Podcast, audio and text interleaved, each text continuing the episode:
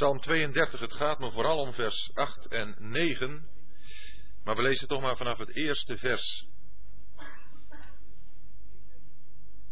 Van David een leerdicht. Welzalig hij wiens overtreding vergeven, wiens zonde bedekt is.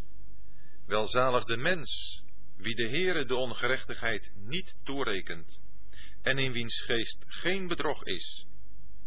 Want zolang ik zweeg, kwijnde mijn gebeente weg, onder mijn gejammer de ganse dag. Want dag en nacht drukte uw hand zwaar op mij, mijn merg verdroogde als in zomerse hitte. Mijn zonde maakte ik u bekend, en mijn ongerechtigheid verheelde ik niet. Ik zeide, ik zal de Heere mijn overtredingen beleiden, en gij vergaaf de schuld mijner zonde. Daarom bidden iedere vrome tot u, ten tijde dat gij u laat vinden. Zelfs bij een stortvloed van geweldige wateren zullen die hem niet bereiken. Gij zijt mij een verberging, gij bewaart mij voor benauwdheid, gij omringt mij met jubelzangen van bevrijding. Ik leer en onderwijs u aangaande de weg die gij gaan moet. Ik raad u, mijn oog is op u. Wees niet als een paard, als een muildier zonder verstand, welks trots men bedwingt met toom en bit, opdat het u niet te nakomen. Tot zover. En dan nog een vers uit Johannes 7.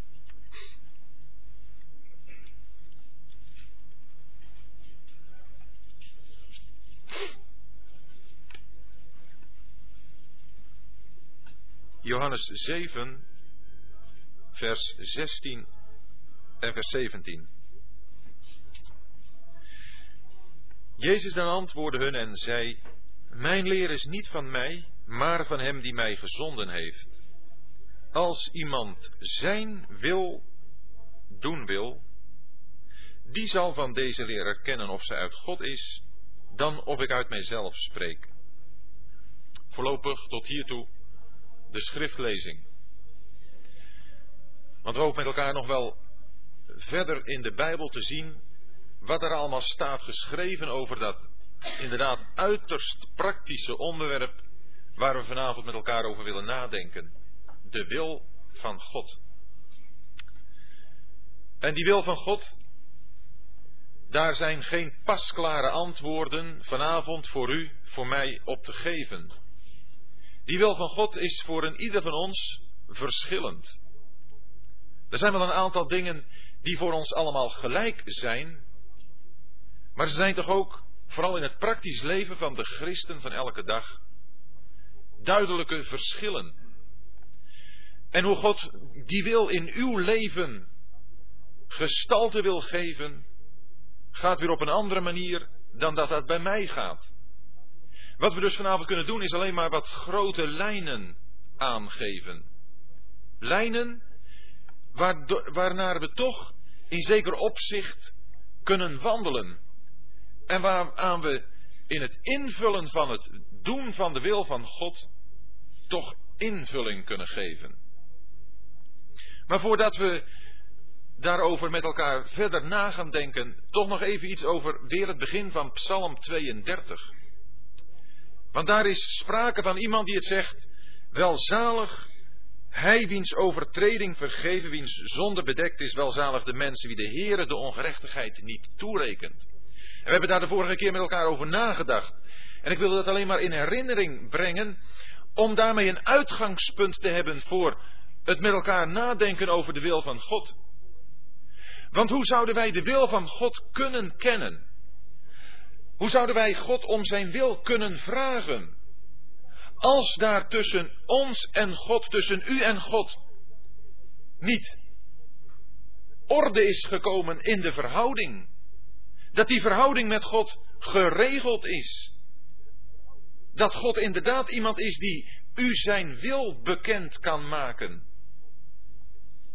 Zijn wil over het leven van u als christen voor elke dag. Want dan komt de vraag, bent u een christen? Bent u iemand die de Heer Jezus kent als uw heiland en verlosser?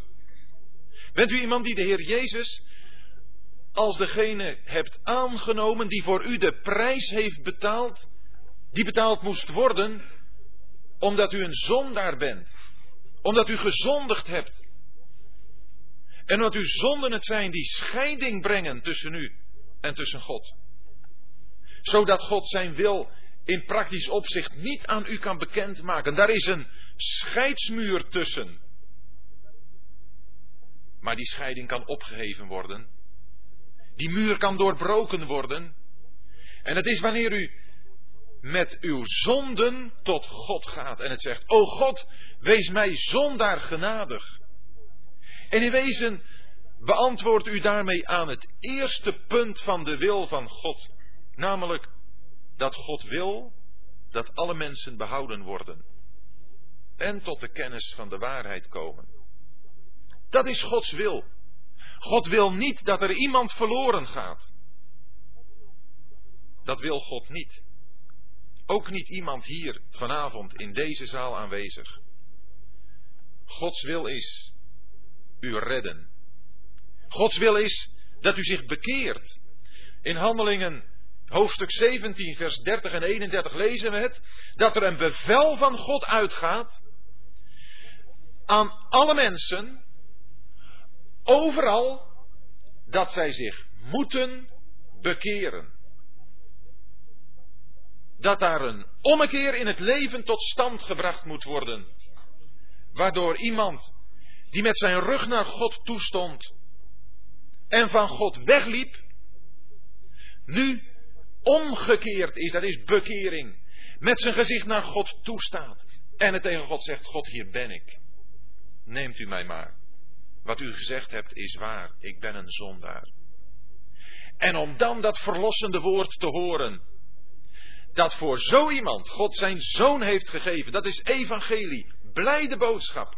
Dat wil zeggen, dan mag je weten, de Heer Jezus heeft je zonden gedragen. Heeft je zonden uitgeboet. Nu is die barrière is weg. En God heeft je aangenomen als zijn kind. En nu mag je het zeggen. Welzalig hij wiens overtreding vergeven. Wiens zonde bedekt is. Dan is dat weg. En die verhouding is tot stand gebracht van een vader tot zijn kind. En nu wil dat kind graag de wil van zijn vader gaan doen. Het is in een gezin ook prachtig wanneer kinderen aan hun ouders vragen: Papa, mama, wat wilt u dat ik doe? Als daar een bereidheid is om de wil van vader of moeder te doen. En zo mogen wij dat ook aan God, onze Vader, vragen. Vader, wat wilt u nu dat ik doe? Wel, een heel eenvoudig antwoord zou zijn: lees in de Bijbel. Als we even gedacht hebben aan een briefje uit de hemel, we hebben een heel boek vol brieven. En we openen uit enkele brieven uit dit boek ook nog wat te zien over de wil van God. Maar voor de praktijk stuit je dan toch inderdaad wel eens op problemen. Wat moet je dan gaan doen? Moet je die Bijbel zomaar open doen en dan met je ogen dicht een tekst prikken en daar het antwoord vinden voor het probleem wat je hebt? Wel, er zijn mensen die daar best eens een keer wat aan gehad hebben. En voor wie het ook fabelachtig gewerkt heeft. Maar normaliter is dat niet de manier waarop God werkt. God wenst ons zijn wil bekend te maken als iemand met wie we omgaan. Als een uitwisseling van gedachten. Een wil ook die God in ons leven wil zien tentoongespreid. Het volmaakte voorbeeld is natuurlijk de Heer Jezus.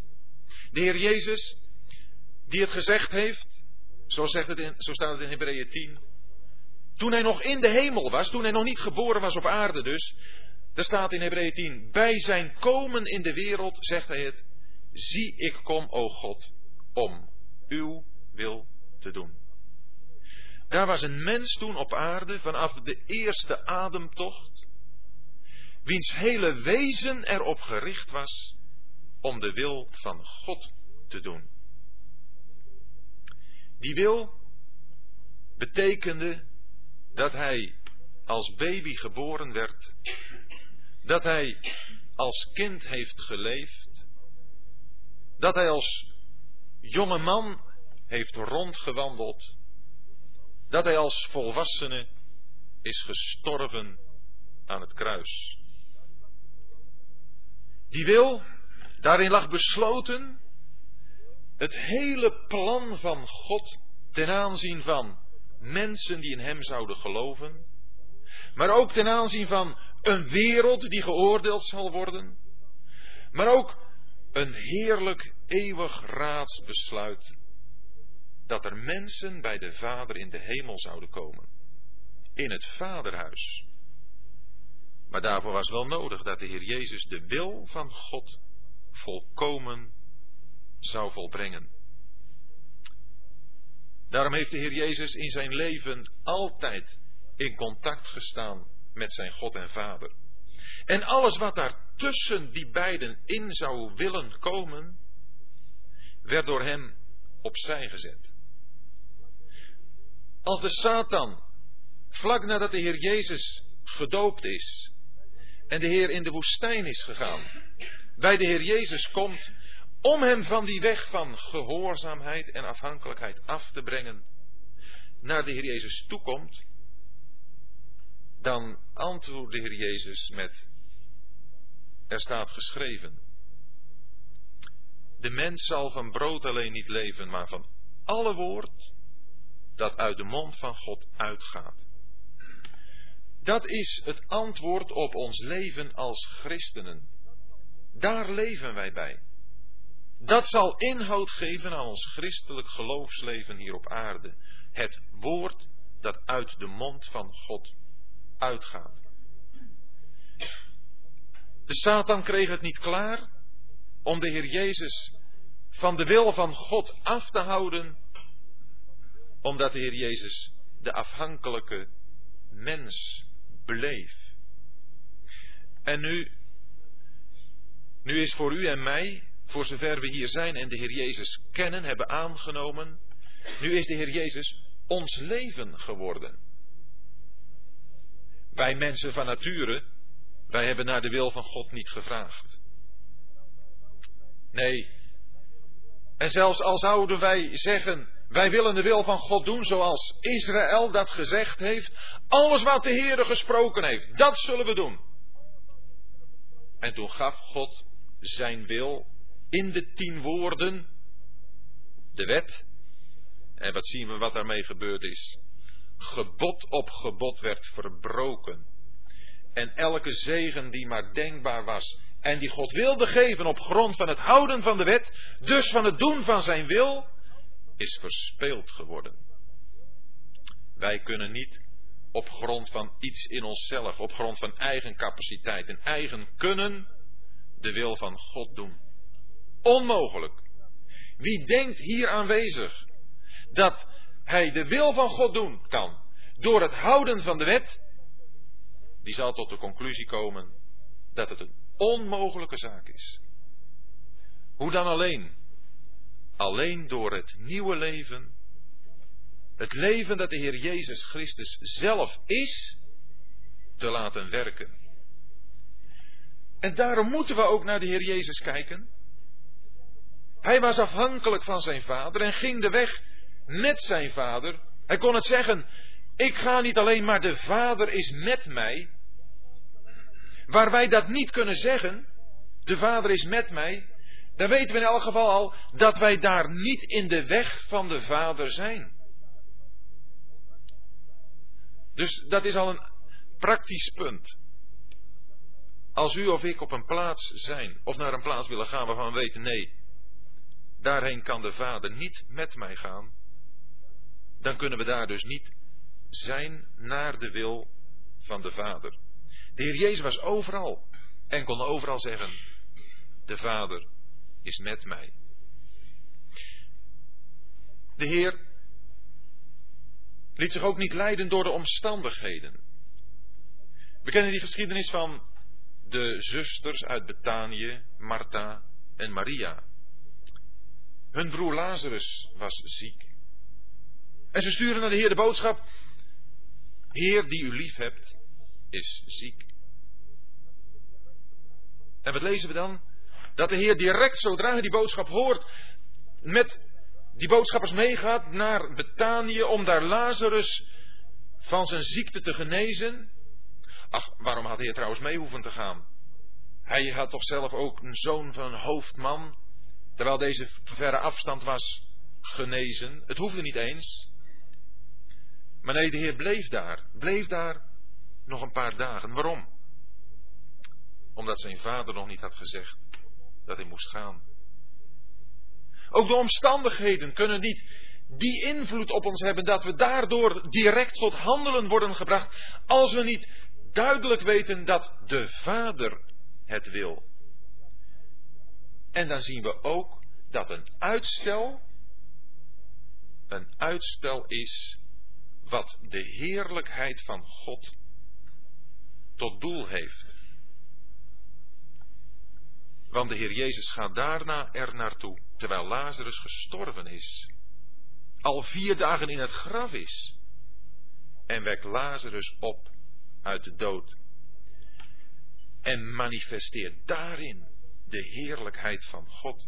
Als wij weten afhankelijk te zijn van de wil van de Vader, van zijn aanwijzingen, en pas te handelen wanneer Hij zegt, nu kun je handelen, dan zal het resultaat daarvan zijn dat de Vader verheerlijkt wordt. En wensen wij dat? Wensen wij in ons leven de Vader te verheerlijken? Dan zullen soms dingen in ons leven niet terstond kunnen gebeuren. Ook weer een oefening van ons geduld of ongeduld, hoe je het maar bekijken wilt. Maar het is wel zo dat dat uiteindelijk tot doel zal hebben dat de, wil, dat de naam van de Vader erin verheerlijkt wordt. Maar hoe leer ik nu die wil van de Vader kennen?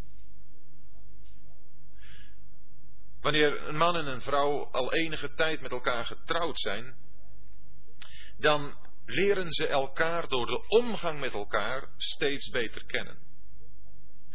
Dan, wanneer de man en de vrouw niet bij elkaar zijn, de man op zijn werk is, de vrouw thuis is, en er zal zich een bepaald probleem voordoen, dan zal de vrouw, zonder dat ze haar man hoeft te bellen, in zo'n situatie weten wat haar man graag zou willen dat ze deed.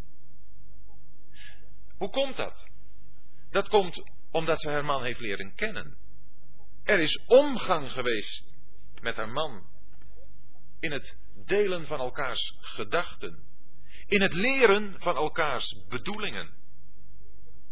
Maar zo werkt het ook met de wil van de Vader, de wil van God. Wanneer wij God alleen maar bij zon- en feestdagen kennen, alleen maar op bepaalde hoogtepunten, dan zal het echt moeilijk zijn. En hoeven we ons ook niet telkens met de vraag af te tobben, hoe leer ik de wil van God kennen, want die leren we dan niet kennen. Wanneer we zomaar gelegenheidschristenen zijn. Maar wanneer onze omgang een dagelijkse omgang is met onze God en Vader. Wanneer we een leven hebben. Zoals bij de Heer Jezus, maar bij ons natuurlijk in een veel zwakkere mate, maar toch met datzelfde verlangen. Een leven hebben wat voortdurend in relatie staat met de Vader, dan zullen we zijn wil automatisch leren kennen. Dan zullen we door de omgang met Hem steeds beter begrijpen wat Hij graag wil. Een kind dat bij ons in ons gezin opgroeit, moet dat ook leren.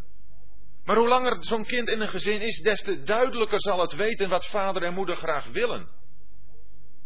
Dat wordt hem verteld, dat wordt hem opnieuw verteld. Maar zo gaat het met ons ook ten opzichte van onze Vader, die in de hemel is. Hoe gaan wij met hem om? Is het iemand die op een verre afstand staat? Iemand in een ivoren toren op een ivoren troon, zo regerend, en dat we die met de grootste eerbied moeten naderen? Wel, ik wil niet zeggen dat we God niet met de grootste eerbied moeten naderen. Maar dat is juist het wonder van het christen zijn en van het hebben van het nieuwe leven, van het leven dat de Heer Jezus is. Dat er en de grootste eerbied is en de grootste vertrouwelijkheid. Een intimiteit, een omgaan met iemand waarvan je weet, hij heeft mij lief. Hij heeft het goede, het beste met mij voor. Bent u daarvan overtuigd? Dat God het beste met u voor heeft. Dat de Vader u lief heeft. De Heer Jezus heeft gezegd, de Vader zelf heeft u lief. En dan is zijn wil te leren kennen. Een wil, niet een afstandelijke wil, niet een wil die van buitenaf en van bovenaf tot ons komt en op ons gelegd wordt, zoals het met de wet was. Maar dan is het een wil die in ons hart ontspringt. Waar er een verlangen voorkomt in ons hart, van binnen. En u mag u voor uzelf uitmaken hoe dat met u is. En daarom heb ik ook dat vers uit Johannes 7, vers 17 gelezen. Johannes 7, vers 17. Onthoudt u dat vers goed. Want daar hebben we de oplossing van het geheim. Hoe we de wil van God leren kennen. Daar hebben we gelezen. Als iemand zijn wil doen wil. Bent u bereid? Ben ik bereid om de wil van God te doen? Zonder dat ik op dit moment precies weet wat die wil inhoudt. Als u en ik daartoe bereid zijn, dan zijn 90% van de vragen al opgelost. Weet u waar het moeilijk wordt? Het leren kennen van de wil van God, waar mijn eigen wil een rol gaat meespelen. Wat ik graag wil. Daar wordt het moeilijk. Daar komt de strijd. Daar ontstaan de conflicten. En om er nu achter te komen of het mijn eigen wil is, of de wil van God die ik op dat moment vraag, zullen we eerlijk moeten zijn over de toestand van ons eigen hart. Zullen we eerlijk God in de ogen moeten kunnen kijken en God ons. Ik raad u, mijn oog is op u. Ik geef raad. Ik geef leiding. Ik geef aanwijzingen. Met mijn oog op u gericht. Als wij maar God in de ogen kunnen kijken. En dat begrijpen we allemaal zoals we hier zitten. Niet dat we God gezien hebben, maar we begrijpen wel wat dat betekent. Dat is eenvoudig op God gericht zijn, op de Vader gericht zijn. Dan geeft God ons raad. Hij wil ons leiden met zijn oog. De Heer Jezus heeft in Matthäus 6 gezegd: Als ons oog eenvoudig is, dan is ons hele lichaam verlicht. Dat geeft het precies hetzelfde weer. Als ons oog een enkelvoudig voorwerp heeft, ons oog dus alleen gericht is op dat ene voorwerp, op de Heer Jezus, dan is ons hele lichaam verlicht. Dat betekent, dan weten onze handen wat ze moeten doen. Dan weten onze voeten waar ze heen moeten gaan. Dan weten we waar we naar moeten luisteren. Dan weten we waar we aan mogen denken. Waar we in onze gedachten mee bezig mogen zijn. Dan weten we hoe we met onze gevoelens kunnen omgaan. Ons hele lichaam is verlicht als ons oog eenvoudig is. En dat eenvoudige oog, daar ontbreekt het ons zo vaak aan.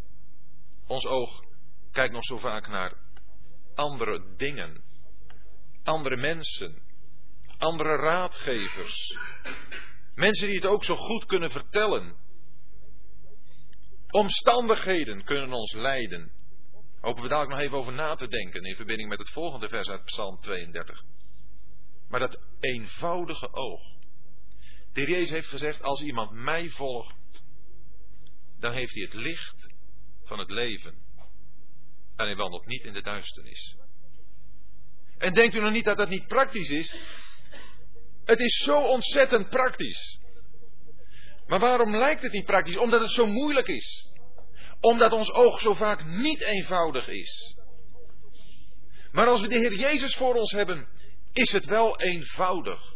Dan weten we hoe we te doen en hoe we te laten hebben. En dan kunnen we toch in omstandigheden komen waardoor we zeggen, ja, en we hebben ons vergist. Nu wilde ik daar naartoe gaan, gesteld dat we dat met de Heer hebben besproken. Ik wilde dat bezoek gaan brengen en dan wil mijn auto niet starten. Hoe is dat nu? Heb ik me dus toch vergist in de wil van de Heer? Nou, waarschijnlijk wel. Maar dat is niet om ons te ontmoedigen. Dan mogen we daarin ook de leiding van de Heer zien. We hebben gelezen in Psalm 32, vers 9: Wees niet als een paard, als een muildier zonder verstand, welks trots men bedwingt met toom en bit, opdat het u niet te nakomen. Dan gebruikt God toom en bit.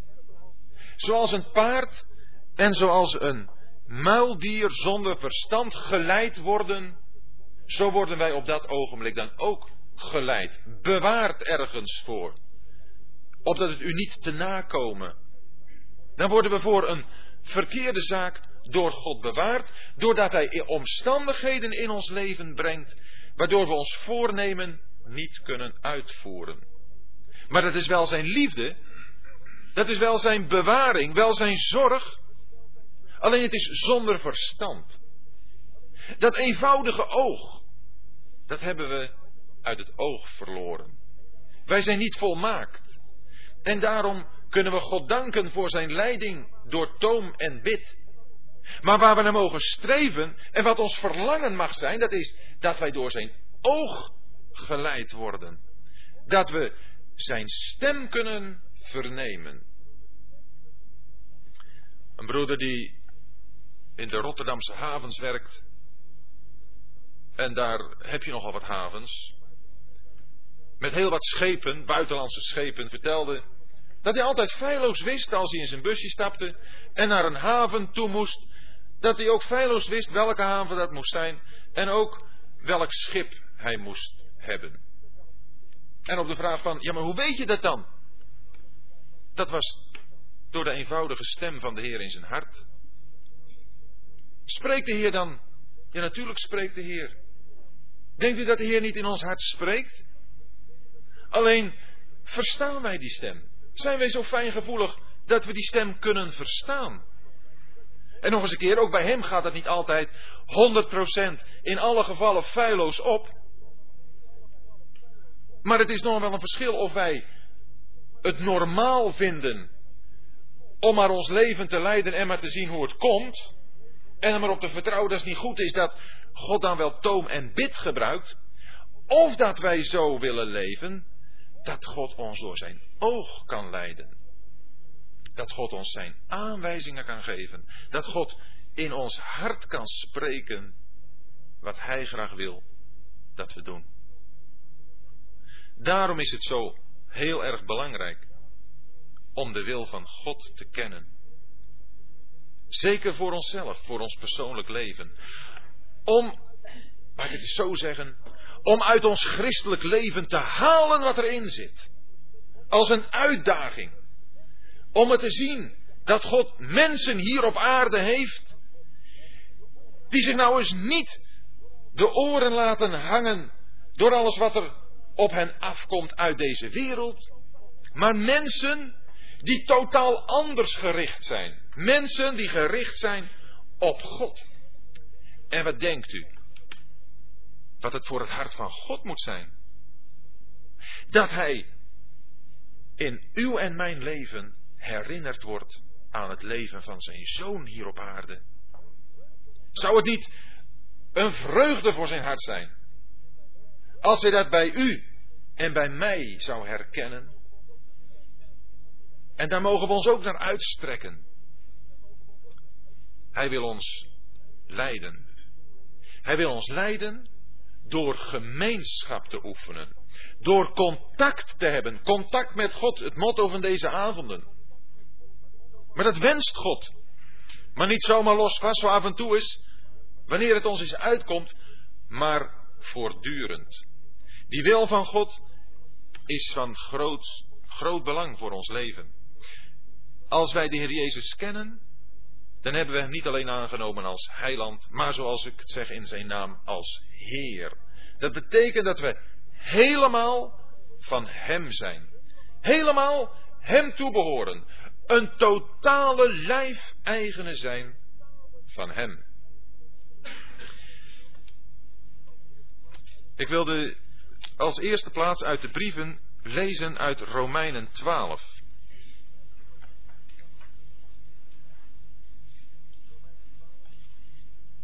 Romeinen 12, vers 1 en 2. Waar we iets meer gaan zien van de wil van God.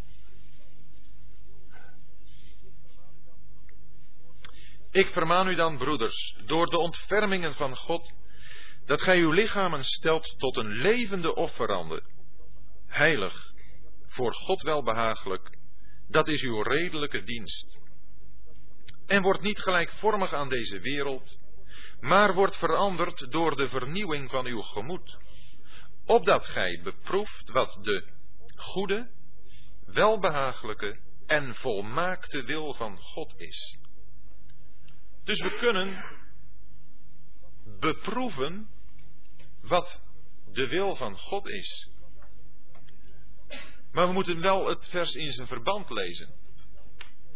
Dat neemt met zich mee dat wij moeten worden veranderd. We moeten niet gelijkvormig zijn aan deze wereld. Als wij onze voeding, onze geestelijke voeding, en daarmee onze vorming, want voedsel vormt ons, halen uit deze wereld, dan is daarmee de wil van God terzijde gesteld. Dan kunnen we die niet leren kennen. Maar wij moeten worden veranderd door de vernieuwing van ons gemoed, door de vernieuwing van ons denken. We hebben namelijk een verlicht verstand gekregen. En Johannes 5 zegt dat de Zoon van God gekomen is en heeft ons het verstand gegeven. Dat is dat nieuwe, dat verlichte verstand. Waardoor wij nu kunnen begrijpen, want door verstand begrijp je, kunnen begrijpen wat God van ons vraagt. Dan moeten wij naar vernieuwd worden. Daar moet bij ons in ons hart een vernieuwing voor plaatsvinden. Want we weten te goed allemaal dat het niet ineens plotseling allemaal anders is. Er zijn nog zoveel dingen uit het leven van vroeger toen we de Heer Jezus nog niet kenden, die nog zo'n invloed op ons hebben. Die ons nog zo in beslag kunnen nemen. Maar nu moeten we vanuit dat vernieuwde denken ons laten omvormen. En ons richten op wat de goede, welbehagelijke en volmaakte wil van God is. Die wil van God is altijd goed. Niet slecht niet naar beneden halend. De wil van God zal ons niet in de goot brengen. De wil van God is goed. Heeft een goede uitwerking. Daar ben je goed mee af. Die wil van God is ook welbehagelijk. Daar straalt iets van af. Dat is een welbehagen voor God en ook voor de omgeving. En die is ook volmaakt. Daar ontbreekt niets aan. De wil van God is volmaakt. Willen u en ik dat?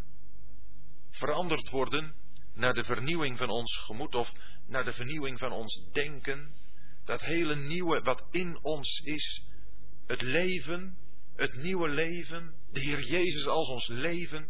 Willen wij dat uitleven? En willen we daarna veranderd worden? Willen we die gewoonten van vroeger, willen we die afzweren? Willen wij daarmee afrekenen? Met dat wat ik graag wil en wat ik toen graag deed? Dan kunnen we beproeven, dan krijgen we daar smaak voor, voor die wil van God.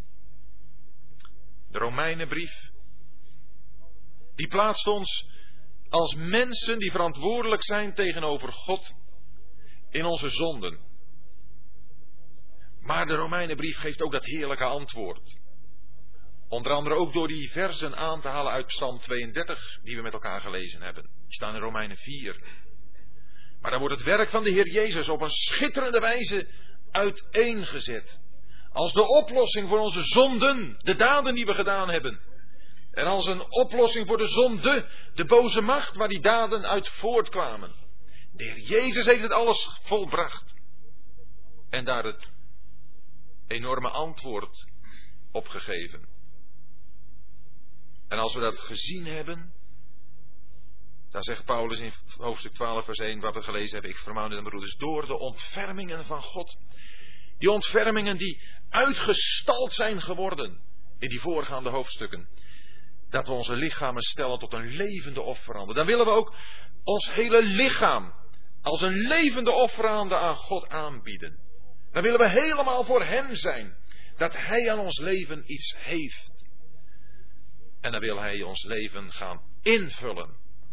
Invullen. Steeds meer. Zoals het bij de Heer Jezus volmaakt gezien werd. In Efeze 1 vinden we een tweede plaats waarover de wil van God gesproken wordt.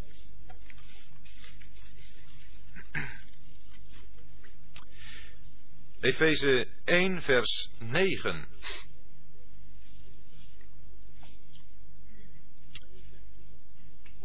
Hij heeft ons immers de verborgenheid van zijn wil bekendgemaakt, naar zijn welbehagen, dat hij zich had voorgenomen in zichzelf, aangaande de bedeling van de volheid der tijden, om alles wat in de hemelen en wat op de aarde is, onder één hoofd tezamen te brengen in Christus.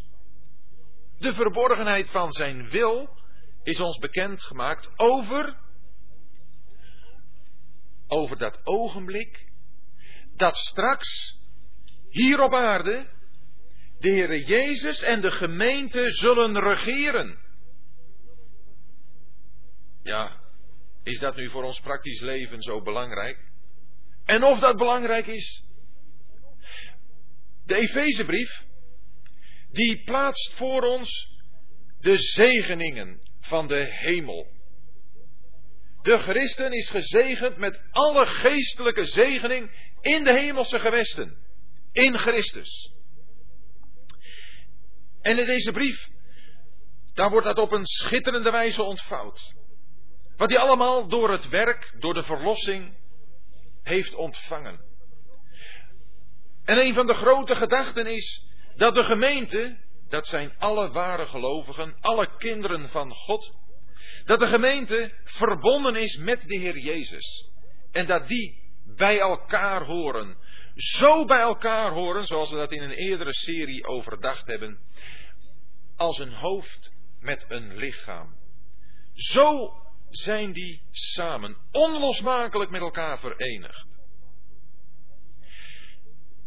En nu komt er een moment dat in deze wereld waar het nu zo'n chaos is, waar de mens en de eigen wil van de mens hoogtij vieren, de Heer Jezus zal regeren.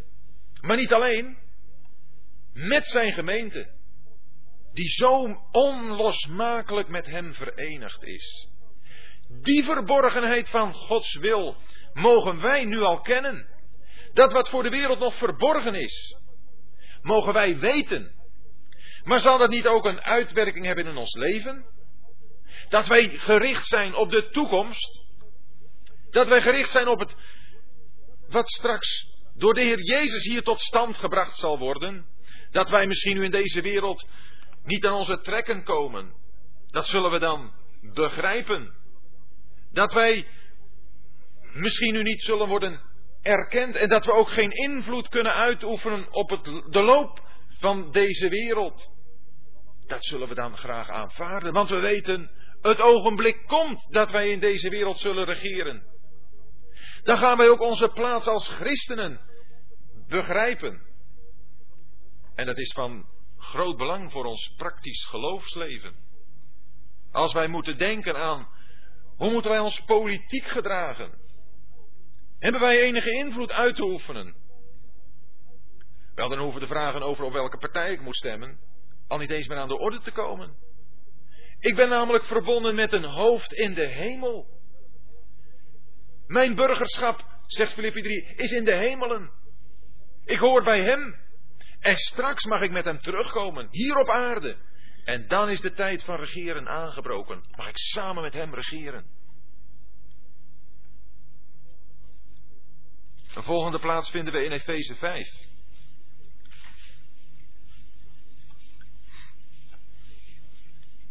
In Efeze 5, in vers 15, dan lezen we, zie dan nauwlettend toe hoe gij wandelt. Niet als onwijzen, maar als wijzen, door de geschikte gelegenheid ten volle te benutten, want de dagen zijn boos. Wees daarom niet onverstandig, maar verstaat wat de wil van de Heer is. In dezezelfde brief nog weer een aansporing over het verstaan van de wil van de Heer. Met het oog op de dagen waarin we leven. En die zijn boos. Of denkt u dat het niet zo is? Denkt u dat we met elkaar deze wereld helemaal leefbaar gaan maken? En als het ware alles zo klaar kunnen maken dat Christus een koninkrijk in ontvangst kan nemen waar hij niet eens voor hoeft te strijden. Maar dat hebben wij gedaan.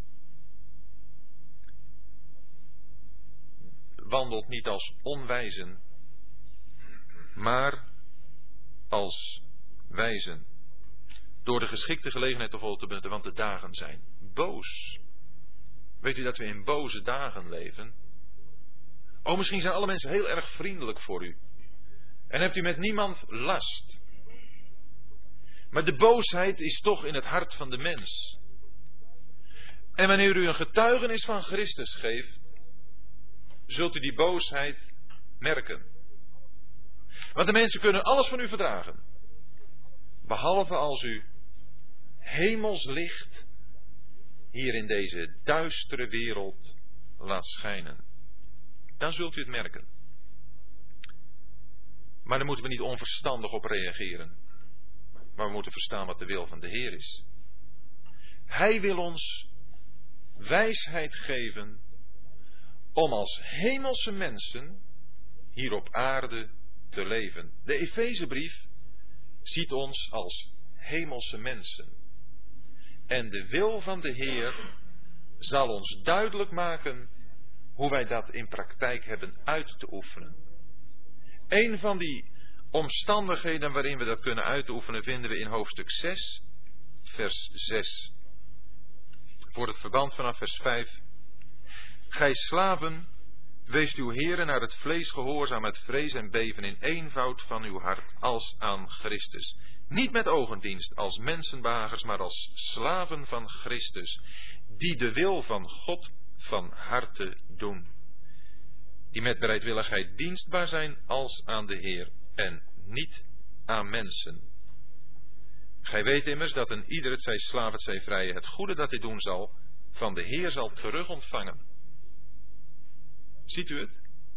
Daar hebben we de hele aardse verhouding van, zoals we dat vandaag zo netjes zeggen, werkgever werknemer.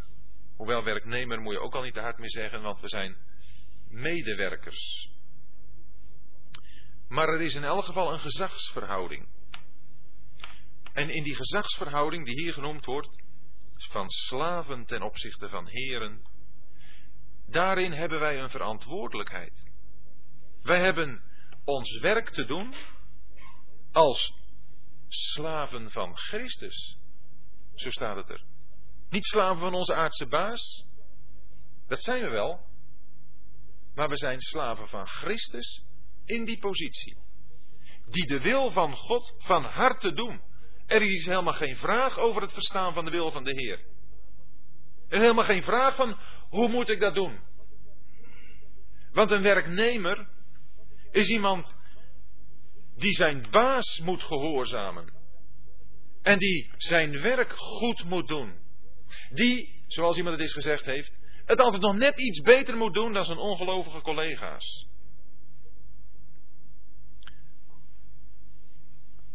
Die de wil van God van harte doen met bereidwilligheid. Dat was voor deze mensen aan wie Paulus schrijft in deze tijd hier in Efeze beslist niet gemakkelijk. Als je een slaaf was van een heer, dan was je ook een totale lijfeigene. Dan had je geen enkele vrije tijd. Dan had je helemaal geen bezittingen. Maar alles wat je had en wat je was, was van je meester. En dan zegt Paulus daartegen: Je mag als slaven van Christus de wil van God van harte doen. We zouden kunnen begrijpen als dat van harte er ook nog niet bij stond. Want het is toch wel moeilijk en zwaar om dat te doen. Maar de wil van God van harte doen. Met je hart. En met bereidwilligheid. Dat is over je aardse baas heen kijken naar Christus, wiens slaaf je bent. Hem dienen we. En dan krijgen we van onze baas misschien wel loon. Maar weet u wat het werkelijke loon is? Gij weet immers dat een ieder het zij slaaf, het zij vrije, het goede dat hij doen zal, van de Heer zal terug ontvangen. Dat is een mooi vooruitzicht. Maatschappij toepassen. Ook als we thuis zijn. Ook als we in de huishouding bezig zijn. Gewoon op maatschappelijk gebied bezig zijn. Je bent dan voor iemand bezig. Dan kun je dat voor die ander doen. En die ander waardeert dat misschien niet eens. Maar dan mag je daar overheen kijken. Naar Christus. En dan mag je het weten. Al beloont die ander dat niet naar zijn waarde. Niet dat wat ik er eigenlijk van verwacht. En misschien ook zelfs verwachten zou mogen. Maar de Heer, die zal het goede wat je gedaan hebt vergoeden. Is dat niet een mooi vooruitzicht? En is dat niet een beloning, een bemoediging om de wil van God daarin te doen? De volgende plaats lezen we in Kolosse 1.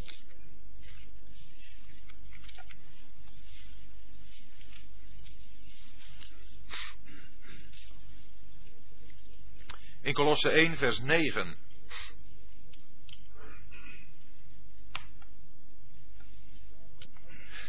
Daarom ook houden wij van de dag af dat we ervan gehoord hebben niet op voor u te bidden en te vragen dat gij vervuld moogt worden met de kennis van Zijn wil. In alle wijsheid en geestelijk inzicht, om de Heer waardig te wandelen. In alles Hem welbehagelijk en in alle goed werk vrucht te dragen en op te groeien door de kennis van God. Met alle kracht bekrachtigd, overeenkomstig de sterkte van Zijn heerlijkheid tot alle volharding en langmoedigheid met beleidschap. Waar het dus even, om dat eruit te lichten hier om gaat, dat is vervuld te worden met de kennis van zijn wil, om de Heer waardig te wandelen.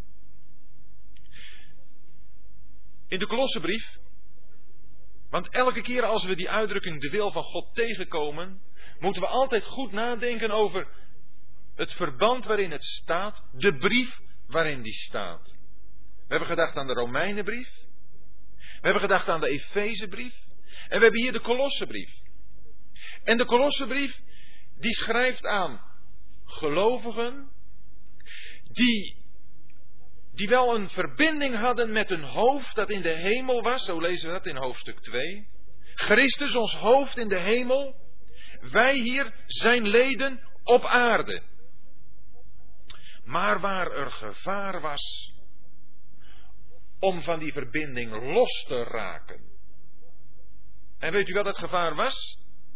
Dat was het gevaar van de filosofie, van de menselijke wijsbegeerte, van de wetenschap. En zijn er niet vandaag massa's mensen, christenen, die zo onder de indruk komen van de wetenschap van de mens, dat ze daarop gaan blindvaren. En hun verbinding met het hoofd Christus uit het oog verliezen. En daarmee ook hun waardige wandel, de Heer waardig te wandelen, vergeten. Hoe kan ik alleen de Heer waardig wandelen? Als ik mijn levenssappen trek uit Hem. Als ik weet dat ik verbonden ben met Hem. Als ik ook, als het gaat om wijsheid, die wijsheid aan Hem ontleen. In hoofdstuk 2 staat het zo schitterend. Dat in Christus alle schatten van wijsheid en kennis verborgen zijn. Als wij wijsheid nodig hebben, vinden we die bij Hem. Of raadpleegt u indrukwekkende boeken van indrukwekkende schrijvers. Als u met een probleem zit. Gaat er natuurlijk om een geestelijk probleem. Misschien problemen in huwelijken. Misschien problemen in relaties onder elkaar, in geloofsgemeenschappen. Misschien problemen in de werksituatie waarin u zit. Hoe ga je met je collega's om? Maar er worden hele cursussen gegeven. Je kunt daar. Er, wordt er dik geld aan verdiend. En je kunt er dagen in doorbrengen. En op herhalingscursussen gaan. En hoe je moet veranderen. En gedragstherapieën kun je volgen. En het zijn pintere mensen. Die je vertellen hoe je je moet opstellen. Hoe je je kunt gedragen. Hoe de ander je kan accepteren en hoe je bij de ander overkomt. Maar het gaat om het de Heer waardig wandelen. En dan is het voor de eenvoudigste gelovigen weggelegd om dat te doen. Maar ook de eenvoudigste gelovigen, maar ook de geleerdste gelovigen, kunnen dat alleen doen als ze zich hun verbinding met het hoofd bewust zijn. Als ze opgroeien naar Hem toe. En uit Hem hun wijsheid halen. Om hier op aarde te leven. Daar vinden we het. En daar alleen. Zo kunnen we de Heer waardig wandelen. Maar daar kunnen we voor bidden. En daar moeten we voor elkaar voor bidden. Dat we vervuld mogen worden met de kennis van zijn wil. Bidden we daar wel voor? Bidden we daar voor elkaar voor? Zouden we dat eens gaan doen? Ik zeg het ook tot mezelf. Want als je dat zo op je in laat werken, denk je, ja, wat doen we dat eigenlijk ook weinig? We kunnen misschien wel wat handreikingen aan elkaar geven. Maar hier zegt Paulus dat hij er vanaf de dag dat hij ervan gehoord heeft, niet ophoudt voor te bidden. Te bidden dat zij, die kolossers, vervuld worden met de kennis van zijn wil. Om de Heer waardig te wandelen. Daar kunnen we misschien eens mee gaan beginnen. Om dat voor elkaar te doen. En dan in Kolosse 4, vers 12. Zien we daar zo'n man die dat doet. U groet Epaphras, die een van de uwen is, een slaaf van Christus Jezus, die altijd voor u strijdt in de gebeden, dat gij moogt vaststaan, volmaakt en voleindigd in de hele wil van God. Ja, dat is niet zomaar eens een keer ervoor bidden, van vader wilt u geven dat het ook bij die gelovigen zo mag gebeuren. Maar dat is een strijd in de gebeden. Epaphras heeft ervoor gestreden. Hij zag het. Hij zag het gevaar dat die gelovigen, als ze onder de indruk komen van het menselijk denken, van de filosofieën, dat ze dan niet meer vaststaan. Dat ze dan losraken en dat ze dan op drift raken. Oh, er zijn zoveel mensen op drift geraakt, losgeslagen, omdat ze onder de ban zijn gekomen van wat mensen hebben gepresteerd. En daar zijn ze op blind gevaren. Deze Epaphras heeft het gevaar gezien bij die kolossers. En Paulus zegt, hij is één van de uwen hoor. Maar hij is er een die altijd voor u strijdt in de gebeden. Altijd strijden in de gebeden. Ja, bidden is niet een hele gemakkelijke zaak. Dat is niet maar wat je zo eens even doet. Ja, je kunt ook even zo doen. Gelukkig, het gebed, het schietgebed is er. We mogen zo onder ons werk, in, de auto, op de fiets of waar dan ook, in de supermarkt, zo eventjes met de Heer praten. maar het strijden in de gebeden. En dan met dit doel, wat een geweldig doel, spreek me ineens aan, om dat te gaan doen, om zo voor elkaar te gaan bidden. Dan vinden we in 1 Thessalonicense 4 ook gesproken over de wil van God.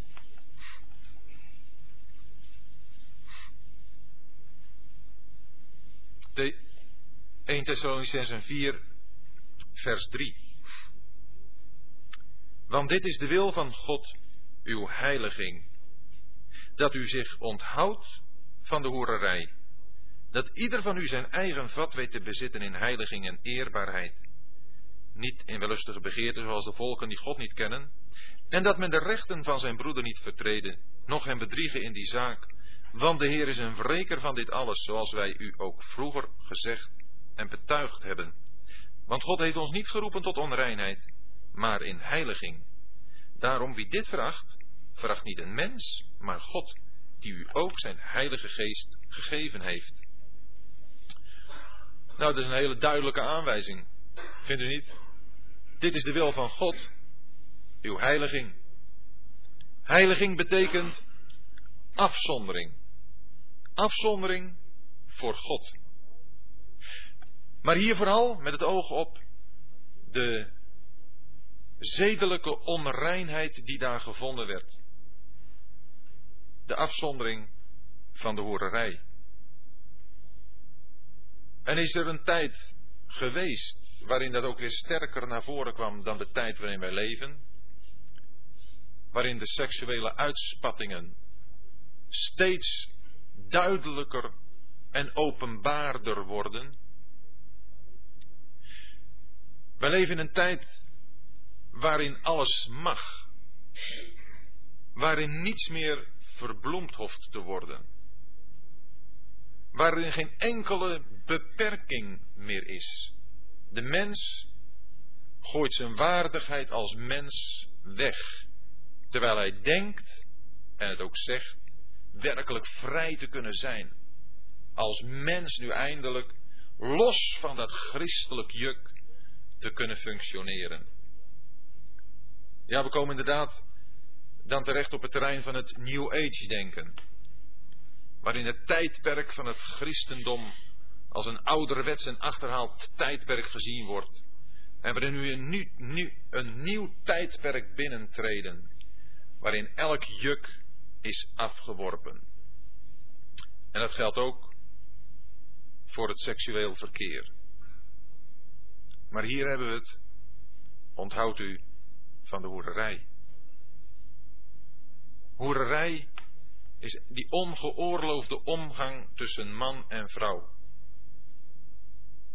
Want het seksuele verkeer is iets wat God gegeven heeft als een geschenk, maar wel binnen de grenzen van het huwelijk. Dus uitdrukkelijk beperkt tot die man en die vrouw die met elkaar getrouwd zijn.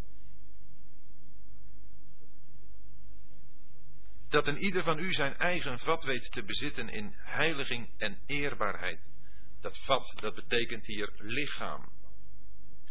Lezen bijvoorbeeld van Paulus dat er van hem gezegd wordt: Deze is mijn uitverkoren vat. Maar dat we onze lichamen daarin ook in eerbaarheid weten te bezitten. Dat we niet ons door de wellustige begeerten laten meeslepen. Begeerten die in ons allemaal zitten. Het is niet voor niets dat Paulus dat hier aan deze gelovigen in Thessalonica moet schrijven. Mensen die pas uit het heidendom bekeerd waren. In het eerste hoofdstuk zegt Paulus het. Jullie hebben je bekeerd van de afgoden tot de levende God. Om hem te dienen en zijn zoon uit de hemelen te verwachten. Maar het is heel pril allemaal. Maar hij zegt het hier. Denk erom dat je je daarvoor bewaart. Pas daarvoor op. Blijf ook af van de vrouw van je broeder. Bedrieg je broeder daarin niet. Het moet maar gezegd worden. En het is nodig. Het is zo nodig dat we onze kijk op het huwelijk en de kijk ook op elkaars huwelijk respecteren, eerbiedigen. Want God heeft ons niet geroepen tot onreinheid. De Heer is een wreker. En wie dit veracht, veracht niet een mens, maar God. Dat zijn Hele sterke bewoordingen. Maar nodig. En opnieuw nodig in deze tijd. God die u ook zijn Heilige Geest gegeven heeft. Dit zijn belangrijke aanwijzingen. Als het gaat om het huwelijk. We hopen over de, het contact als gezin met God een volgende keer na te denken. Maar wat is nu de wil van God in ons leven als het gaat bijvoorbeeld om het huwelijk? Over de verkering, over het verlangen naar een ander. Dan mogen we daarin de wil van God ook vragen. Dan mogen we Hem in onze verlangens betrekken. Want het is zo belangrijk dat ook als wij vragen aan de Heer om een levenspartner, dat we dat van Hem verwachten. En als er iets is waar ons hart arglistig in is, dan is het daar wel in, waar onze gevoelens, onze emoties zo enorm sterk in kunnen opspelen. Kunnen het onze kinderen ook proberen bij te brengen, dat ze die dingen met de Heer verwerken, dat ze daar naar Hem toe gaan daarmee. Wat vragen ze dan van de Heer? Willen we dan hen vertellen om van de Heer te vragen een man of vrouw waarmee ze de Heer kunnen dienen? Iemand waarvan ze zien, hij of zij heeft de Heer lief? Of gaan we alleen af op het mooie uiterlijk? Dat is al een hele praktische toetssteen. Wat zijn de motieven waardoor ik me tot een ander voel aangetrokken? Maar als het gaat om de wil van God, nadat we tot bekering zijn gekomen, dan zou het ook kunnen zijn dat we komen zitten met de vraag: hoe zit het nu met het dopen? wat, wat wil de Heer daarin? Ik wil u gewoon een paar praktische punten noemen nog. Hebt u de Bijbel daarover nagelezen? Wilt u, en dan kom ik terug op Johannes 7, vers 17. Wilt u de wil van God doen? Daar komt het op neer. Bent u bereid daartoe? Dan wordt de vraag met betrekking tot dopen een vraag die misschien nog praktische problemen kan geven, maar waarbij de bereidheid in het hart beslissend is voor de uitoefening van de daad. En als het gaat om de gemeente van de levende God, als het gaat om het vieren van het avondmaal, om het samenkomen van gelovigen, bent u dan ook bereid om de wil van God te doen? Om dan het woord van God te onderzoeken? Om het Hem te vragen? Heer, waar moet ik, waar moet ik zijn? Het levensbeginsel van Paulus toen hij tot bekering kwam. Dat vinden we in twee vragen. De eerste vraag is: Heer, wie bent u? Dat geeft die relatie weer. En de tweede vraag is: Heer, wat wilt u dat ik doen zal? Is dat de instelling van ons leven? Dan gaat het ons leven als christen. In verbinding met onze christelijke groei. Onze geestelijke groei. Maar het kunnen ook de problemen van het leven van elke dag zijn. Het milieuprobleem. Wat is nu de wil van God? Hoe we daarop reageren, hoe moeten we daarmee omgaan? Als het gaat om vragen als abortus en euthanasie. Hoe moeten wij als christenen daarop reageren? Wat moeten we daarmee aan? Hoe reageert u daarop? Hoe wil God dat ik daarop reageer? Er kunnen vragen komen over militaire dienst. En er zijn misschien nog veel meer vragen die u nog kunt stellen. Er zijn enorm veel vragen die op ons af kunnen komen. Ik moet de kinderen wel eens naar orgelles brengen en dan hoor ik de een of andere stelling. Het is dan rond een uur of half zes. Op tijd zijn. Vroeger moest ik ze op maandag brengen en dan luister ik naar Veronica Nieuwsradio. Dat schrikt u maar niet, maar dat was voor de actualiteiten. En dan hadden ze altijd een stelling of een, iets waarop de luisteraars konden reageren. En dan vraag je je af, ja, hoe zou je er nu zelf op reageren? Zou je opbellen en wat zou je dan zeggen? Dat, dat komt op ons allemaal af. Wij, wij hebben allemaal onze invloeden, de dingen die we horen, die op ons afkomen, waar we onze mening over vormen. En nu is maar de vraag, hoe wil God nu dat ik daarop reageer? En dan zullen we, denk ik, door wat we vanavond gehoord hebben, toch een aantal aanreikingen hebben om ons leven als christen te onderzoeken. Want ik kan u geen pasklare antwoorden geven. Maar het woord van God wel. Voor uw situatie. Als u bereid bent om de wil van God te doen. Hij wil het graag. En laten we dan de verhinderingen die er zijn op willen ruimen. Radicaal. Echt. Omdat het verhinderingen zijn voor het kennen van de wil van God. God zegt het. Ik raad u. Mijn oog is op u.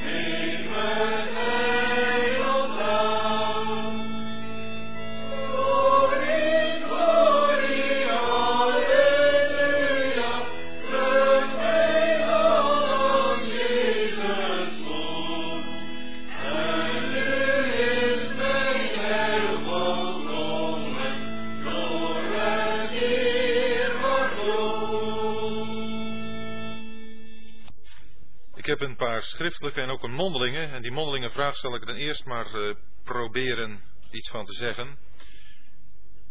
De mondelinge vraag hield dit in. Bij uh, Paulus en, en, uh, en, Barnabas, daar werd gezegd: Zondert mij nu Barnabas en Saulus af voor het werk waartoe ik hen geroepen heb. Er was een heel duidelijke wilsbekendmaking door de Heilige Geest die dat zei. Komt dat nu ook nog voor in verband met roeping, met een, een bepaalde dienst voor de Heer, welke die dan ook maar is? Nou, dat komt inderdaad voor. Maar dat zal vaak een geleidelijk proces zijn, wat uitmondt in die roeping. Ik moest even denken aan Timotheus. Timotheus die werd op een gegeven moment door Paulus meegenomen op zijn zendingsreis. En het was duidelijk dat daarmee ook de wil van God over het leven van Timotheus naar voren werd gebracht. We vinden dat ook in de brief aan Timotheus genoemd. Maar we vinden in Handelingen 16 dat Timotheus iemand was die een goed getuigenis had van een paar gemeenten. Dus Timotheus stond al als zodanig bekend dat het een jonge man was die ijverig was in de dingen van de Heer.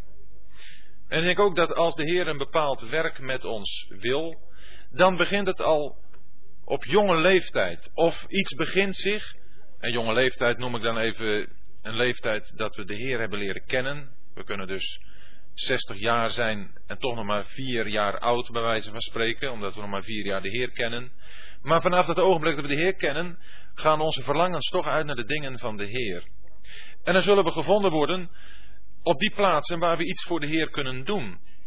Bij jonge mensen kan het al zijn door te helpen bij een zondagschool of bij een kinderclub, bij een traktaatverspreiding, bij eens een, een boodschapje doen voor een, eh, een oudere die niet zo gemakkelijk uit de voeten kan. Maar dan vind je al dat iemands weg, iemands leven zich in een bepaalde richting gaat ontplooien. Maar dan kan er inderdaad een moment komen dat zo iemand een duidelijke opdracht van de Heer krijgt om ergens naartoe te gaan, om zich ook in een bepaald werk helemaal te gaan begeven. Nou, dat zal de Heer beslist duidelijk maken. In de eerste plaats aan de persoon zelf, dat hij door het lezen van het woord van God, door de omgang met de Heer, zoals ik daar straks iets van gezegd heb, zal hij de overtuiging krijgen, ja, dit vraagt de Heer van mij. Maar ook anderen zullen in, uh, in, in die bevestiging delen. Ze zullen zien dat die jonge man, jonge vrouw of ouderen niet zomaar eens plotseling met iets aankomt waarvan ze zeggen van nou dat hadden we nog nooit gedacht. Maar dan zal het iets zijn, ja dat hebben we zien aankomen. En wij geloven dat dat goed is als hij of zij naar een bepaald zendingsveld gaat. Dan zal er dus de wil van God in de eerste plaats voor de persoon zelf duidelijk zijn. Maar die wil van God zal ook voor anderen duidelijk zijn. Daar zal een overeenstemming gevonden worden. En voor ons, ieder is het belangrijk om, als het gaat om de dienst voor God, de dienst voor de Heer Jezus, ons af te vragen, wat wil de Heer dat ik doe? In welk opzicht kan ik voor Hem nuttig zijn?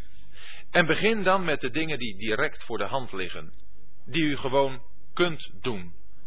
Dat is, is een bezoekje maken, dat is helpen met het verspreiden van evangelisatielectuur of daar zelf iets aan doen. Dat is ook in een persoonlijk getuigenis van de Heer iets doorgeven. Het is eigenlijk toch de levensinstelling, waarbij dat voor de een naar zijn capaciteiten, want ja, dan komen we in Matthäus 25 terecht, waar de Heer zijn slaven talenten geeft. Maar wel talenten die passen bij de eigen bekwaamheid, zo staat het daar in Matthäus 25. Ieder heeft van nature een andere aanleg, een andere bekwaamheid dan de ander. We zijn allemaal verschillend. En bij die verschillende bekwaamheid geeft de Heer talenten, geeft de Heer zijn opdracht, geeft de Heer zeg, zijn invulling daaraan. En staan wij daarvoor open? Of willen wij ons, als het is, iets is wat we misschien hebben, een beetje verstand, iets meer dan een ander misschien, of willen we ons verstand alleen voor onszelf gebruiken om zelf daarmee zo goed mogelijk voor de dag te komen? Of willen we onze gedachten willen laten vormen door onze studie van het woord van God? Of willen we onze handigheid, een ander werkt weer wat beter met zijn handen, willen we onze handigheid alleen maar voor onszelf gebruiken? Je mensen die hebben er plezier aan om een auto te sleutelen. Nou, dat kan een hele nuttige bezigheid zijn. Kan ook een afgod worden. Maar je kunt het ook weer gebruiken voor een ander. Zoals ik weet van een broeder dat hij die capaciteiten echt ten dienste van de gelovigen wil stellen. Dat is een handigheid daarin voor anderen wil gebruiken. En zo kunnen we met dat wat de Heer ons gegeven heeft, anderen dienen. We hoeven daarin niet te min van onszelf te denken. We hoeven niet te denken van, ja, wat ik heb, dat, dat, dat is eigenlijk nergens goed voor. Nou, dan denkt u toch te gering van de gave die God u geeft. Want God zegt wel dat u voor een ander belangrijk bent. En hoe weet u die wil nou? Hoe u dat moet uitoefenen? Nou, gewoon doen. In Romeinen 12 vinden we een aantal gaven die helemaal niet opvallend zijn. Maar ze zijn er wel. En ze mogen ook en moeten ook uitgeoefend worden. Iemand die barmhartigheid bewijst, wordt daar bijvoorbeeld genoemd. Iemand die meedeelt. Barmhartigheid of iets geven, al is het maar een geldbedrag aan een ander geven. Dat moet je kunnen. Dat is niet iets wat je zomaar allemaal even doet. We kunnen dat allemaal wel. Maar er zijn er die dat echt kunnen. Omdat ze het als een gave van de Heer gekregen hebben om dat te doen. En zo zijn er legio dingen, ieder op ons eigen gebied, waarmee we de ander kunnen dienen. Waarin de ander toch iets meer heeft dan een ander. En dan wanneer dat niet gebruikt wordt, niet uitgeoefend wordt, anderen daarmee tekort gedaan worden. U hebt allemaal uw eigen specifieke gaven. En daarmee ook de specifieke opdracht van God om die gave tot ontwikkeling te brengen, om die gave uit te oefenen. Gaat u nou niet te zeer zitten piekeren, wat zou dat nou wel zijn? Als u omgang hebt met de Heer, als u zijn woord leest, als u zich door hem wilt laten vormen, veranderd wordt naar de vernieuwing van uw denken, dan komt dat gegarandeerd tot uiting. Maar het vereist omgang met God, contact met God. En dan komt het beslist.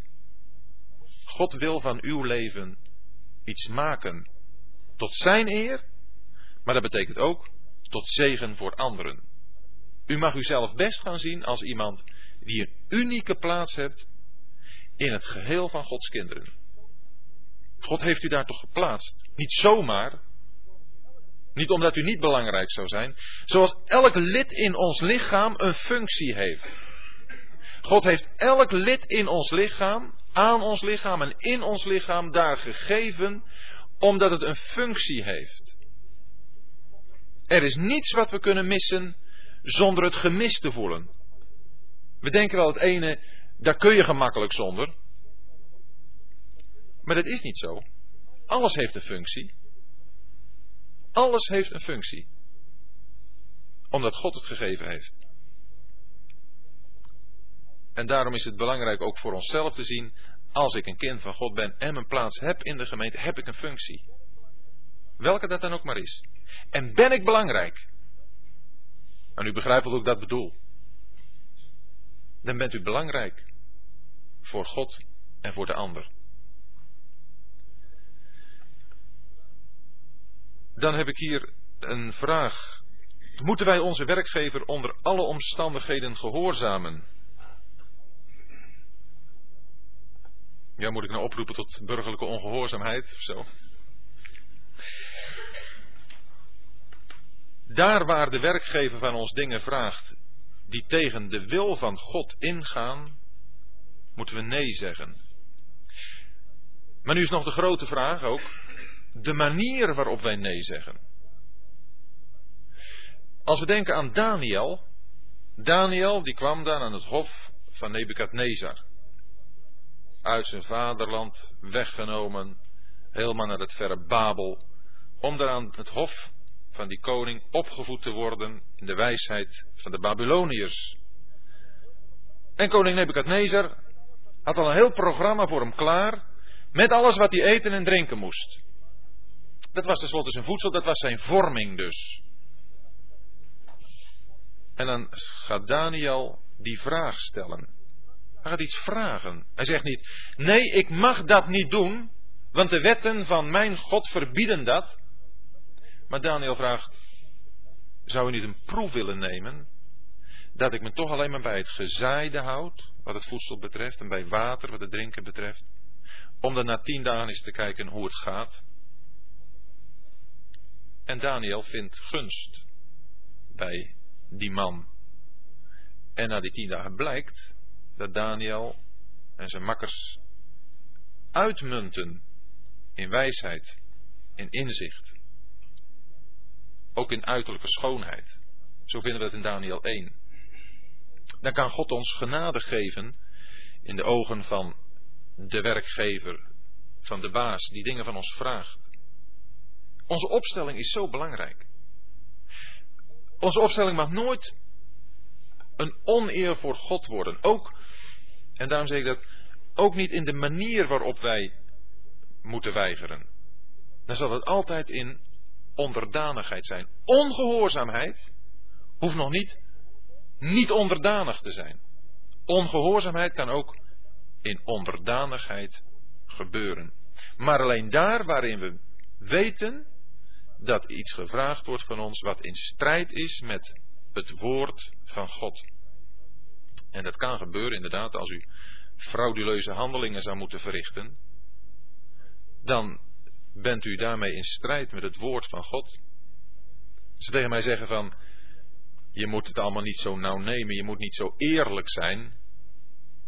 Dan zeg ik nou, dan heb je de verkeerde man op deze plaats.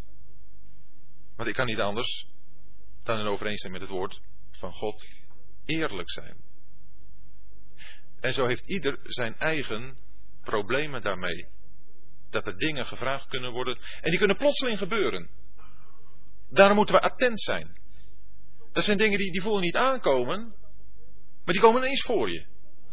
En dat kan soms heel listig, heel link, heel slinks gebeuren. En daarom is het weer, hoe is onze instelling ten aanzien van onze relatie met de Heer?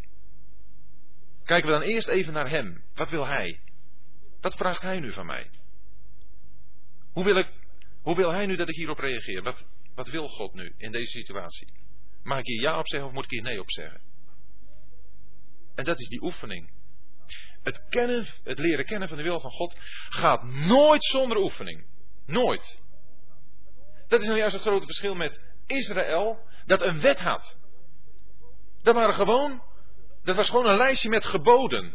Daar konden ze afturven. Dat heb ik gehad, dat heb ik gehad, dat heb ik gehad. Dat ging buiten het hart om. In het christendom gaat het nooit buiten het hart en zonder oefening. Het is altijd een oefening van het geweten. Dat wil God bij ons bereiken. Dat wij mensen worden die bewust de wil van God doen. Dat is zo belangrijk, dat we dat meenemen. Wij zijn geen christenen die voorgeprogrammeerd zijn. Het enige programma wat we hebben is in de Bijbel.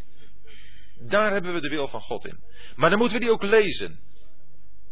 En ook naar willen handelen. Dan zullen we de wil van God leren kennen, begrijpen. Ook in onze werksituatie. Ook wanneer de werkgever dingen van ons vraagt die niet naar zijn wil zijn. Want dan pas ook zullen we dat aanvoelen. Als wij het met ons geweten helemaal niet zo nauw nemen, dan zullen we ook in onze werksituatie helemaal niet zoveel problemen hebben om oneerlijk te zijn. Zo laatst hoorde van een zakenman, een christen zakenman, die zei ja, je kunt dit beroep gewoon niet uitdoen zonder oneerlijk te zijn. En dan vraag je je af of hij het goede beroep heeft. Er zijn dingen die we niet kunnen doen. En wat is dan belangrijker? Ons beroep, onze zaak. Of ons geweten, of ons getuigenis ten opzichte van de Heer. Dus het zijn hele belangrijke praktische vragen waar u en ik mee komen te zitten. Ten aanzien van onze beroepsuitoefening.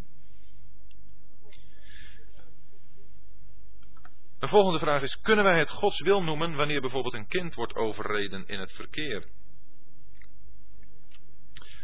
dat zijn altijd hele moeilijke vragen.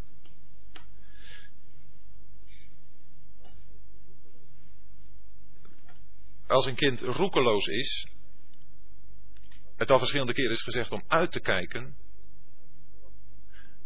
dan zou je kunnen zeggen: het is zijn eigen schuld. Hij heeft niet goed uitgekeken. Ondanks het feit dat hij verschillende keren gewaarschuwd is. Kun je dat aan Gods wil noemen? Ik denk dat we hier die twee kanten hebben die wij niet met elkaar in overeenstemming kunnen brengen. Dat is de verantwoordelijkheid van de mens en de wil van God. Als die wil, die tenslotte altijd zal gebeuren. Is er een kwaad in de stad, staat ergens in de kleine profeten, dat de Heere niet bewerkt. En in de geschiedenis van Rehabiam en Jerobeam, de scheuring van het tien, het twee stammenrijk, daar vinden we dat als die scheuring tot stand gekomen is en Rehabiam de legers bij elkaar roept om dat rijk weer bij elkaar te brengen, dat er een profeet komt die moet zeggen, Rehabiam, dat moet je niet doen, want deze zaak is van mij geschied. En hoe was de scheuring van het Rijk tot stand gekomen? Dat was door de zondigheid van Salomo. En wat moeten we nu met deze twee dingen? Wat God wil en wat de mens doet. Wel, we zien altijd dat de wil van God in het handelen van de mens tot stand gebracht wordt.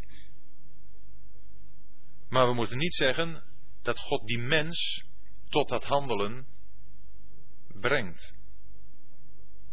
Het is het probleem wat we al in Genesis 2 en 3 hebben van die twee bomen, de boom van de kennis van goed en kwaad en de boom van het leven. Dat zijn twee lijnen die door de hele Bijbel heen lopen. De boom van het leven als de uiting van de raadsbesluiten van God die het leven wil geven en die tenslotte aan zijn doel zal komen en die verheerlijkt zal worden. En aan de andere kant, en dat is die lijn die zien we door de hele Bijbel heen, dat God zijn raadsbesluiten zal vervullen. En aan de andere kant, de boom van de kennis van goed en kwaad, waarin we de voorstelling vinden van de mens in zijn verantwoordelijkheid. Hoe die wegen van de mens gaan, kronkelwegen zijn. En dan kunnen wij die twee nooit bij elkaar brengen. Dat is voor ons onmogelijk.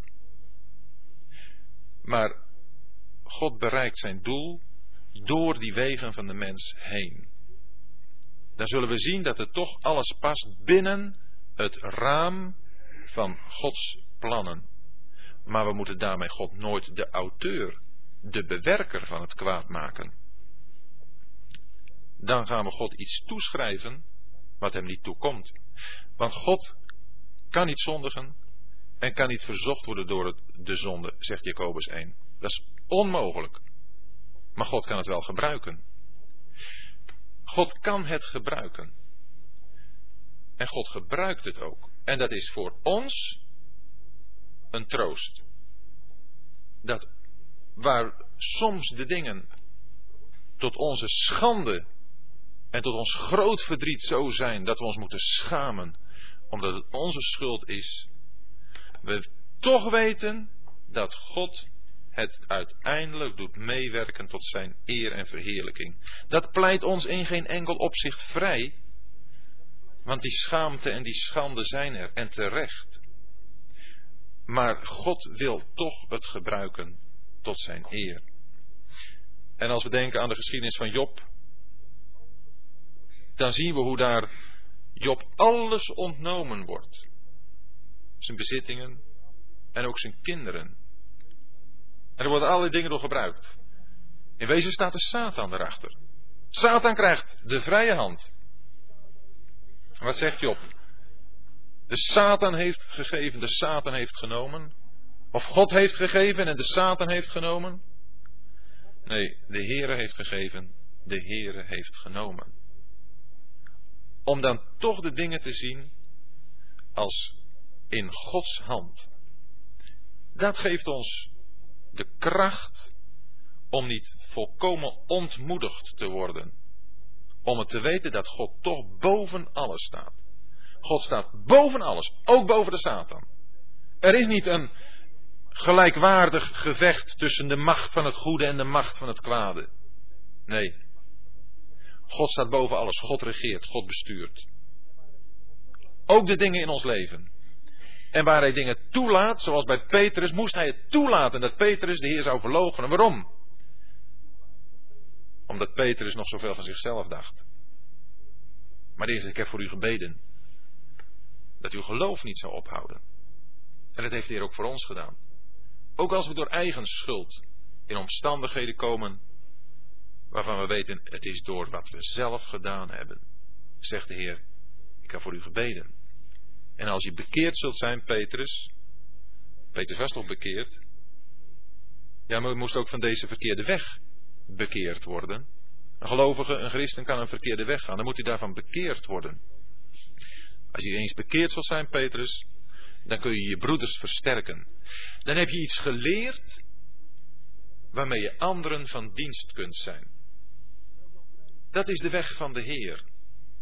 En ook als wij ervaringen hebben, dingen die we mee moeten maken, of dat nu de eigen schuld is, of dat dat is door dat wat de Heer op onze weg heeft gebracht, in die zin dat wat we moeten meemaken, dan mogen we toch weten, ons leven is in Zijn hand.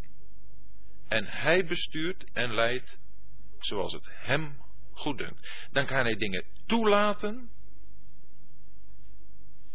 om ons te leren, om ons te oefenen, om ons te vormen. Maar dan is Hij het die het toelaat. Dan zijn die dingen, die moeilijkheden in ons leven ingepland. Dan zijn het niet maar zomaar toevallige gebeurtenissen van het had kunnen gebeuren en niet gebeuren. Nee, ons leven is zo volmaakt in de hand van God, zo volmaakt in de hand van de Heer, dat niets erin buiten hem omgaat. Als er nou notabene niet één musje ter aarde valt, zonder de wil van de Hemelse Vader. Als er niet één haar van ons hoofd valt, zonder de wil van de Hemelse Vader. Zouden we dan niet met heel ons leven onder zijn volkomen aandacht staan? Dat er niets in ons leven even aan zijn aandacht ontsnapt, zoals wij dat wel kunnen hebben met onze kinderen. Even hebben ze niet in de gaten en dan hup, daar gaan ze. Zo is bij de vader natuurlijk niet. Hij ziet alles van ons. Volmaakt alles. En als wij een keer even een foute weg gaan, dan heeft hij gezien dat dat nodig is. En dan laat hij ons die weg gaan, zoals bij Petrus. En dan kan het gebeuren dat er in onze gezinnen dingen gebeuren die tot grote smart zijn. Maar dan is hij het die het heeft toegelaten. Dan kunnen we, er is een prachtig blaadje, een, klein, klein blaadje, ik weet niet of het hier ook is, de teleurstellingen van het leven. Dan kunnen we zien dat boven alles in ons leven ook geschreven staat, deze zaak is van mij geschied. Als een troost voor ons. En dan is, kunnen wij het Gods wil noemen wanneer bijvoorbeeld een kind wordt overreden in het verkeer. Dan is het ja en nee. Dan is het ja als het gaat om dat God het toegelaten heeft. Maar dan is hij nog niet de bewerker ervan. Dan is het toch zoals bij Job, dat de Satan even de vrije hand gekregen heeft om dat te bewerken. En dan zeg ik weer niet dat het Satan is die het de schuld heeft, maar dat was bij Job zo. Het kan ook door eigen schuld, door roekeloosheid zijn. Maar nog even los daarvan. God staat in alle dingen boven ons. En hij beheerst volkomen de situatie. Dan nog een vraag over euthanasie. Wanneer men mij zou vragen, mag de stekker eruit bij